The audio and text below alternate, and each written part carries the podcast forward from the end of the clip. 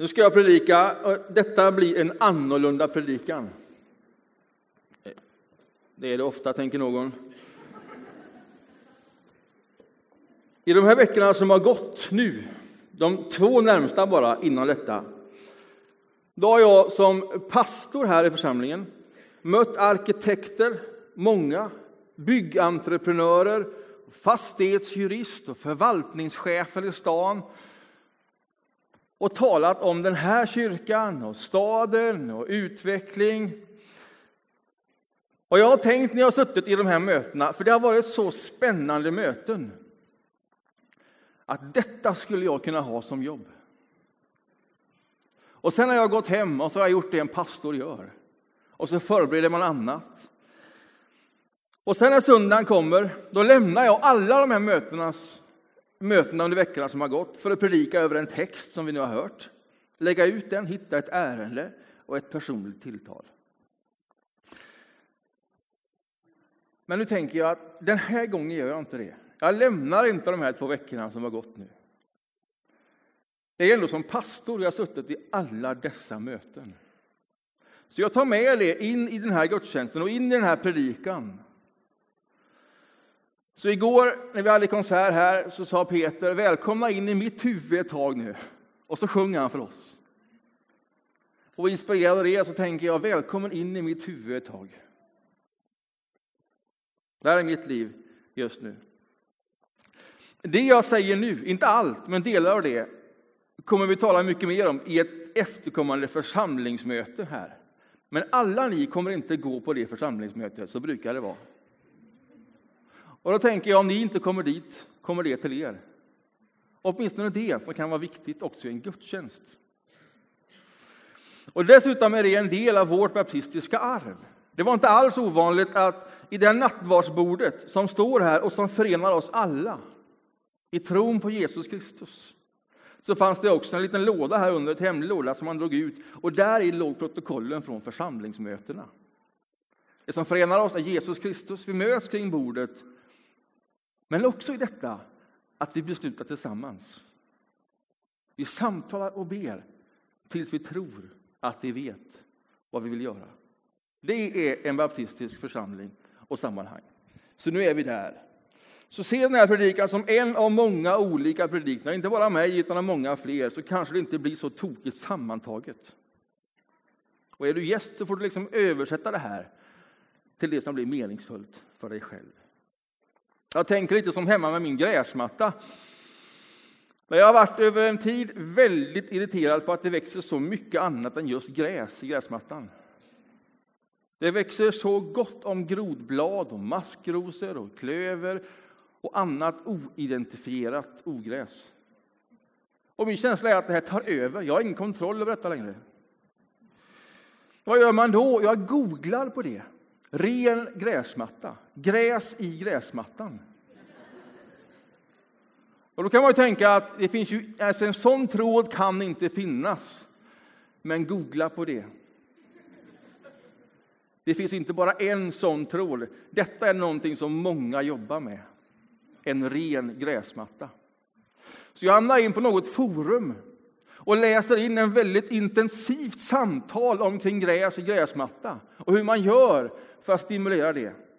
Och alla säger ungefär samma sak. Det är olika medel och kem och grejer och det är olika. Och så kommer det en röst in i det som säger någonting annat än alla andra röster. Som sticker ut fullständigt. Och som dessutom hävdar att han gör det i egenskap av expert. Han jobbar med gräsmattor. Och så säger han och förfasar sig över allas vilja till en ren gräsmatta med bara gräs i gräsmattan. Han tycker det är oerhört fantasilöst. Och han kan inte förstå att de inte ser potentialen i gräsmattan, att de inte ser denna mångfald, en biotop av mått. Igår klippte jag gräsmattan hemma. Och när jag gick där i solen och klippte gräsmattan, den är inte stor, den är liten som bara den. Och det är förunderligt hur mycket det kan växa i en sån liten plätt. Så går jag där och tänker, med helt nya glasögon. Denna enda röst gav mig de glasögonen. Och så tänker jag det, det är en ruggigt schysst biotop jag har här.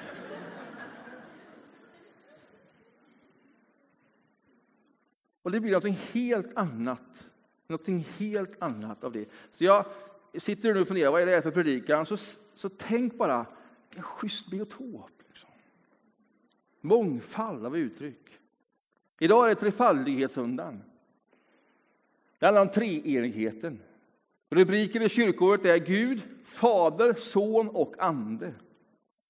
Det här är satt i det här årets struktur, i ett kyrkoår. Det börjar på första advent. Då väntar vi att Jesus ska komma. Så kommer Gud blir människa i Jesus. Och sen får vi veta vad det betyder. Och sen är man framme vid påsk. Och då dör och uppstår Jesus och allting är inte slut där. Sen tar vi oss fram till pingst och då kommer den heliga ande på pingstdagen. Och det var förra söndagen. Och nu är vi i den här söndagen. Och då kan man tänka sig att ja, då konstaterar vi detta i ett teologiskt ställningsstatement. Liksom, statement. nu är det fullbordat. Gud, Fader, Son och Ande. Och så är det liksom klart, strukturen för det här året. Men det är ju inte det. Detta är ju liksom en berättelse och sen när man kommer hit den här söndagen så är det liksom här det börjar. Därför den här söndagen heter inte bara trefaldighetssöndagen. Den här söndagen heter också missionsdagen. Den har två namn. Den här dagen när det liksom är klart att Gud blev människa, att han kom hit, att han dog och uppstod och är här genom sin ande nu. Det är då, när vi vet det, som det också kan fortsätta. Det här är den söndagens ärende enligt kyrkoåret. Och en av de texterna, utöver den vi har läst, som är föreslagen, den kommer från Apostlagärningarna och den lyder så här. Apostlagärningarna kapitel 4 och från vers 5. Och du får en sidhänvisning om du har lånat en bibel med dig här. Nästa dag samlades de högsta styresmännen samt de äldste och de skriftlärda i Jerusalem. Översteprästen Hannas var där, liksom Kajafas, Jonatas och Alexandros och alla av översteprästerlig släkt. De lät föra fram apostlarna och frågade dem genom vilken kraft eller i vems namn har ni gjort detta? Då fylldes Petrus av helig ande och svarade dem Ni äldste och folkets ledare när ni idag ställer oss till svars för en välgärning mot en sjuk och vill höra hur han har blivit botad, då ska ni veta, ni alla och hela Israels folk, att det skedde genom Nazaren Jesu Kristi namn. Tack vare honom som ni korsfäste och som Gud har uppväckt från de döda står den här mannen frisk framför er. Jesus är stenen som föraktades av er husbyggare, men blev till en hörnsten. Hos ingen annan finns frälsningen. Och ingenstans bland människor under himlen finns något annat namn som kan rädda oss. Det är också texten på missionssöndagen. Så står han där då ihop med sina kollegor och ska svara för detta. Varför går det vidare? Vad är deras motiv? Vad är det de vill? Vad säger han då? Jo, han säger det väldigt enkelt. Det ska ni veta, ni alla. Det är tack vare Jesus Kristus. Det är hans enkla svar. Det är ett svar som låter enkelt, men som ställer honom i situationer som ju är personligt obehagliga. Som kostar och kräver någonting som man inte hade behövt gå in i om det bara hade stannat vid ett teologiskt ställningstagande om Gud som treenig. Men nu ska ni veta, ni alla, tack vare Jesus det är någonting i detta och det leder vidare. Tänker jag så? Det är liksom i strukturen frågan och budskapet den här söndagen. Tänker jag så, det ska ni veta, ni alla. Att tron är en kraft som potentiellt stärker och lyfter livet, inte bara för mig, utan för alla. Det är ju där han sticker ut, Petrus. När berättelsen inte bara blir personlig och inte i meningen bara som någonting dåligt, naturligtvis inte.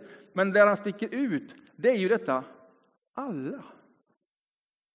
Alla. Tänker man så när man ser omkring sig alla människor, alla människor, att detta med Jesus också potentiellt är någonting som skulle kunna stärka och lyfta alla människor där de är. Därför står han där. Och om det är så jag tänker, om jag tänker att detta går liksom utanför mig själv, genom mig själv, att det är så jag tänker en dag som denna, missionsdagen, vad betyder då det? Vad betyder det för oss? Och nu blir det lite historia. Den här kyrkan byggdes på 70-talet. Den stod klar 1975. Efter att man levt kyrklöst i 40 år i en grupp kunde man äntligen, äntligen, äntligen bygga sin kyrka här och ett affärshus alldeles bredvid med en affär som man kunde få ekonomi på hela paketet. 500 personer fattar detta oerhörda beslut. Det var låg och medelkomstintagare, har det beskrivits för mig. Och de fattar ett stort, ett vågat beslut som går långt förbi dem själva. Långt mer än vad de bara själva behöver det är som man kan höra i själva beslutet. Det ska ni veta, alla.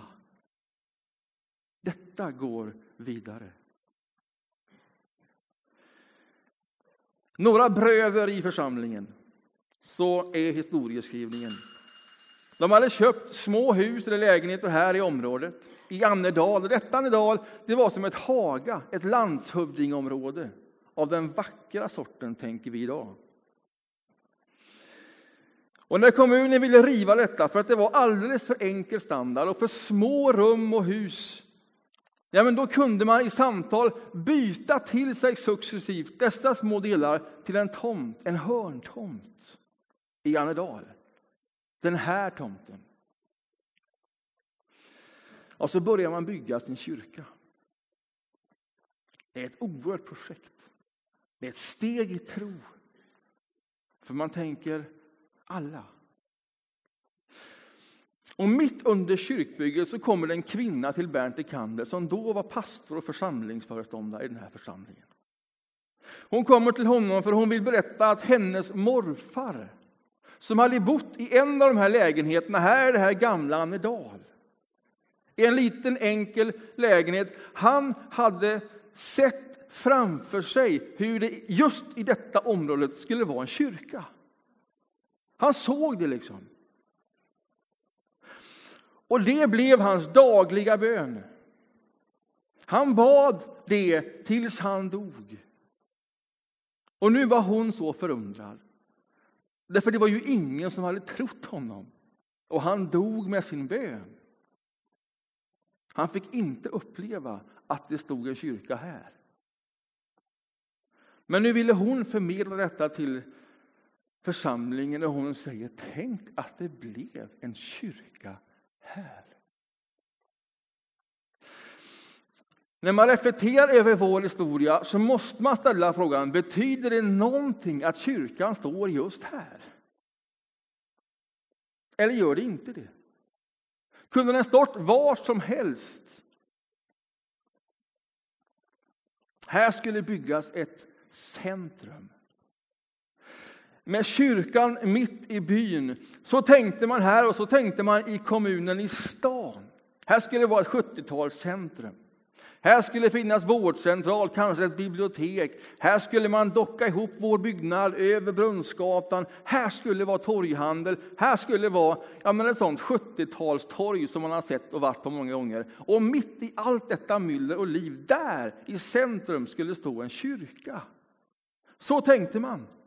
Det var idén och visionen och sen kom det liksom av sig. Det blev inte riktigt så. Det kom liksom av sig av staden.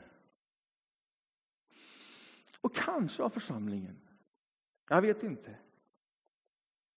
Men man kan beskriva historien som att istället så började vi flytta lite ut, utanför.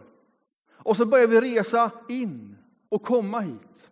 Och så möttes vi här. Och det behöver ju inte bli dåligt. Men någon generation senare så kan naturligtvis en sån rörelse tendera att man blir mer intern i sina angelägenheter. Därför man lever någon annanstans. Och sen flyttar man in hit och så möts man en kort sekund. Och vad som pågår här omkring, här med kyrkan mitt i byn, det vet vi inte riktigt. För när vi är klara här, då flyttar vi tillbaks igen och så ser rörelsen ut så här. Och om den bara ser ut så här, då skulle ju kyrkan kunna lägga vart som helst. Då skulle vi kunna sålt detta, fått gott om pengar, byggt någonting mycket mer effektivt, och ändamålsenligt och billigare. Och gjort någonting bättre för pengarna. Eller spelar det någon roll att kyrkan ligger just här? Ja, men det övervägde vi vid senaste renoveringen när vi tog ett grepp om det här med ljud och ljus och vi gjorde kyrkan vacker igen uppdaterade dem och gjorde i ordning för barn och ungdomar i alla plan. Kostade på detta mycket. Då övervägde vi, ska den stå kvar här eller inte? Och så sa vi, det ska den göra. Det var ett beslut. Den ska stå kvar här. Inte alla reser. Det är bra att resa, men inte alla reser. Också många studenter och unga vuxna. Och många som lever och bor här. Och det finns ändrade boendemönster. Man reser inte bara, man bor och lever ett liv här. Nej, här ska kyrkan stå. Och så kostar vi på en rejäl renovering. Och nu kommer vi in i församlingsmötet. Nu blir det torrt. Är ni med fortfarande? Och så när vi renoverar den här kyrkan så ger vi all plats för verksamheten, exakt det som vi ville. Och vi, vi använder varje rum trippelaktigt därför att så mycket händer under en vecka här. Och så tog vi bort alla kontor och alla samtalsrum och allt det som vi behöver. Vi sparade affärsfastigheten, den behöver uppdateras. Vi sparar det, vi gör det sen. Vi vi ger utrymme för verksamhet och människor att vara här. Men nu, nu behöver vi bygga kontor och samtalsrum och uppdatera en affärsfastighet. Men det finns väl ingen i världen som går igång på det. Ja, men inte ens jag, som ska sitta i ett sånt kontor under en tid, går igång på det. Det är inte där vi kan ha vår glädje. Ett nödvändigt ont. Visst, vi kan vara så pragmatiska och praktiska. Men så här. Och nu flyter liksom församlingsmötet och gudstjänsten och predikan ihop igen, om ni fortfarande är med. Tänk om vi istället för att bara möta våra egna behov skulle våga oss på ett mycket större språng. Om vi skulle vara med att ännu i några steg materialisera det som den gamla bedjande morfan såg framför sig. En kyrka mitt i byn. Vilket ju också var det som våra fäder såg. En kyrka mitt i stadsdelens centrum. Här var en destination, här var en mötesplats. Här byggdes broar, här var en social kraft. Här var någonting man orienterar sig utifrån, inte bara geografiskt utan också andligt och mänskligt. Tänk om vi igen skulle materialisera, våga ta ett sånt steg och tänka att det betyder någonting, att vi just är här. Utifrån att det gäller alla. Det gäller alla. För alla skulle tron kunna vara den kraft som lyfter och bär i livet där det är. Också här, hör och häpna, i detta område, som är ett ganska stort område. När man idag kommer in här, in mot kyrkan, då ser man det här. Titta på bilderna. Får ni se. Detta är kyrkan. En parkeringsplats och en vägg. En bunker i Annedal läste jag någon som skrev. Och vi alla vet ju att inne i denna bunkern sprudlar ett liv. Att där sker så många möten, viktiga möten, på alla nivåer. På den här bilden står det orangea containrar framför. Det här var när vi renoverade kyrkan. Det var när vi gjorde den så här vacker. Men likväl är det detta man möts av.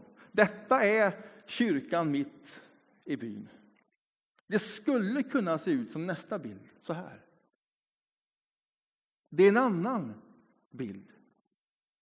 Häng nu inte upp dig på ja, så här ska vi göra. Nu har vi ritat det här. Det är inte vi som har ritat. Det är Göteborgs stadsbyggnadskontor som har ritat. Och för många år sedan inlett en dialog med oss där de säger alltså vi skulle vilja öppna upp en stängd stadsdel. Det skulle vi göra ännu mer människovänligt, någonstans att verkligen leva och bo och mötas. Och vi ser värdet av kyrkan mitt i byn. Men vad är det vi signalerar? Är byggnader så viktigt? Kunde vi inte göra det här ändå? Ja, men Kanske att det är så att människor skapar byggnader. Men sen när byggnaden väl är byggd så är det byggnaden som skapar oss. Så är det med det mesta vi gör. Vi kommer på saker som är viktiga, som vi upprepar, som vi går in i. Och sen efter ett tag när vi går in i de rutinerna och det vi gör, så gör de rutinerna någonting med oss. Tänk om man kan tänka också så med en byggnad. När det väl är byggt så gör det också någonting med oss. Ett offentligt rum, ett transparent rum, en mötesplats för alla. Också de som bor här, vilket är många människor.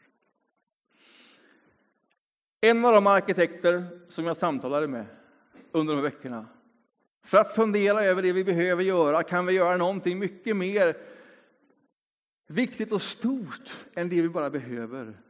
Så säger han så här, jag bor här borta. Och jag har haft mina barn här i verksamhet, de har gått på fritidsgården. Och det har varit jätteviktigt. De har åkt med på läger, de har varit här på fredagskvällar, de har gått i konfirmation här. Alltså jag, vet, jag vet själv vad detta betyder. Jag vet samhällsnyttan av vad det är ni gör.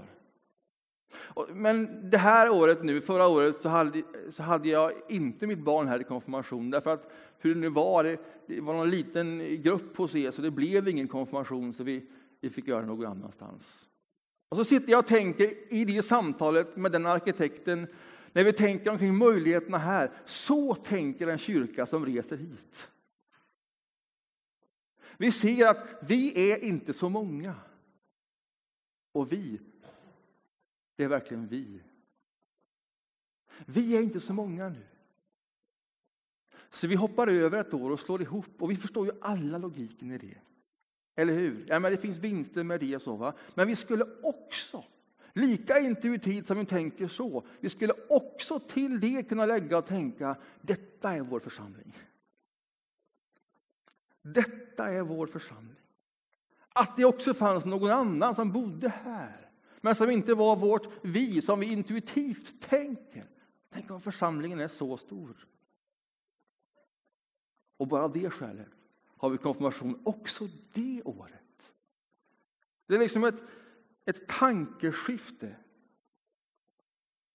Och jag tror att det tankeskiftet är inte nytt. Det är nygammalt. Ibland tänker vi att vi skulle plantera en ny kyrka någonstans. Och de här rösterna får vi till oss också från vårt eget samfund. Nu, ta ett kliv, plantera en kyrka, gör någonting. Och när jag tänker på den här kyrkan de sista veckorna och månaderna så tänker jag att vi kanske skulle plantera en ny kyrka här. Där vi är. Ja, vi är ju ändå här. Tänk om vi skulle nyplantera oss själva i Haga, och Linné, och Annedal och Änggården och tänka så. Nu planterar vi en kyrka. Också här. Också här. Vi lägger till det. Och vi kopplar till det, det som vi har talat om så många gånger, det som händer i vår stad. Det som handlar om stadens 400-årsjubileum. Att man vill göra någonting i sitt firande 2021 som skapar meningsfullhet för alla medborgare. Så högt har man satt den ribban. Och vi finns i ett sådant samtal. Vad kan vi bidra till det? Och inte tvärtom, vad kan de göra för oss? Utan vad kan vi göra för att skapa den här meningsfullheten? Och hela projektet det bygger på att bygga broar och skapa rum för möten. Likt alla platser vid älv och kanal är broar centrala i staden. Även den bildliga tolkningen av att broar, bygga broar mellan människor är viktig i många delar i det här projektet. Broar minskar både fysiska och mentala avstånd och är starka symboler för det inbjudande och öppna Göteborg. Visst skulle vi kunna vara med där och bygga broar som en kyrka mitt i byn. Många projekt handlar om en öppen och tillåtande atmosfär med kreativa mötesplatser. Vi utvecklar, provar och testar nytt, mitt inne bland det befintliga. Öppna rum ger utrymme för nya grupper och utmaningar. Vi börjar i det lilla för att sedan kunna blomma ut helt och fullt. Göteborg är den modiga testarenan öppen för hela världen. Det där skulle ju vi kunna bidra med här. Ett sånt öppet rum. Kan ni se det framför er? I någon mening, detta händer redan. Detta händer redan. Vi har en second hand-butik här med tusentals människor på veckobasis som rör sig. Och när vi frågar dem varifrån de kommer i en enkätundersökning så kommer nästan 70 procent härifrån. Med väldigt liten omnejd. Och de allra flesta de kommer inte bara en gång på ett termin för att köpa ett bord. De kommer dit ofta. Därför att det är mer än en butik. Det är en mötesplats. Det bygger broar. Detta skulle vi kunna uppmuntra ännu mycket mer. Ge mer utrymme. Att gå med det som redan sker. Vi har en fritidsgård, öppet en dag i veckan. Det skulle kunna vara två. Vi har börjat med en öppen förskola. Utan reklam. Bara för att någon bor här och vet om det och säger till någon. Och så är det 35 familjer en förmiddag. Vi har barnrytmik och barnkör och mamma barnläger och den listan skulle kunna göras ganska lång. Vi är redan på detta. För många människor är vi kyrkan mitt i byn, men för andra så behöver vi komma in i det synsättet och visionen och faktiskt tänka att vi är en kyrka mitt i byn och vi skulle kunna vara det än mer. Vi tror att Jesus är en tillgång för alla människor. En sån kyrka mitt i byn vill vi vara. Nu rundar vi av. Så vi hinner med ett församlingsmöte också. Vi läste evangelietexten om Marta, Maria och Lazarus. Marta förlorar sin älskade bror. Och så läser vi hur Jesus var i närheten. Han var i grannskapet. Och han går till henne. Och hon möts, möter upp. Och de där små kommentarerna är så viktiga. Han var inte långt därifrån. Han var i grannskapet. Om du ändå hade varit här, här, säger Marta, det hade aldrig hänt. Jag är uppståndelsen och livet. Den som tror på mig ska leva om han än dör. Och den som lever och tror på mig ska aldrig någonsin dö. Tror du det? frågar han. Och det är ju liksom vad man väntar sig att Jesus ska säga. Det är ju så vi känner Jesus. Ja, jag tror, jag tror så mycket om dig. Och sen kommer Maria och när hon ser honom så faller hon också ihop och gråter och säger om du ändå hade varit här, här, då hade det aldrig hänt. Och när han ser henne gråta och alla omkring henne, då brister det också för Jesus.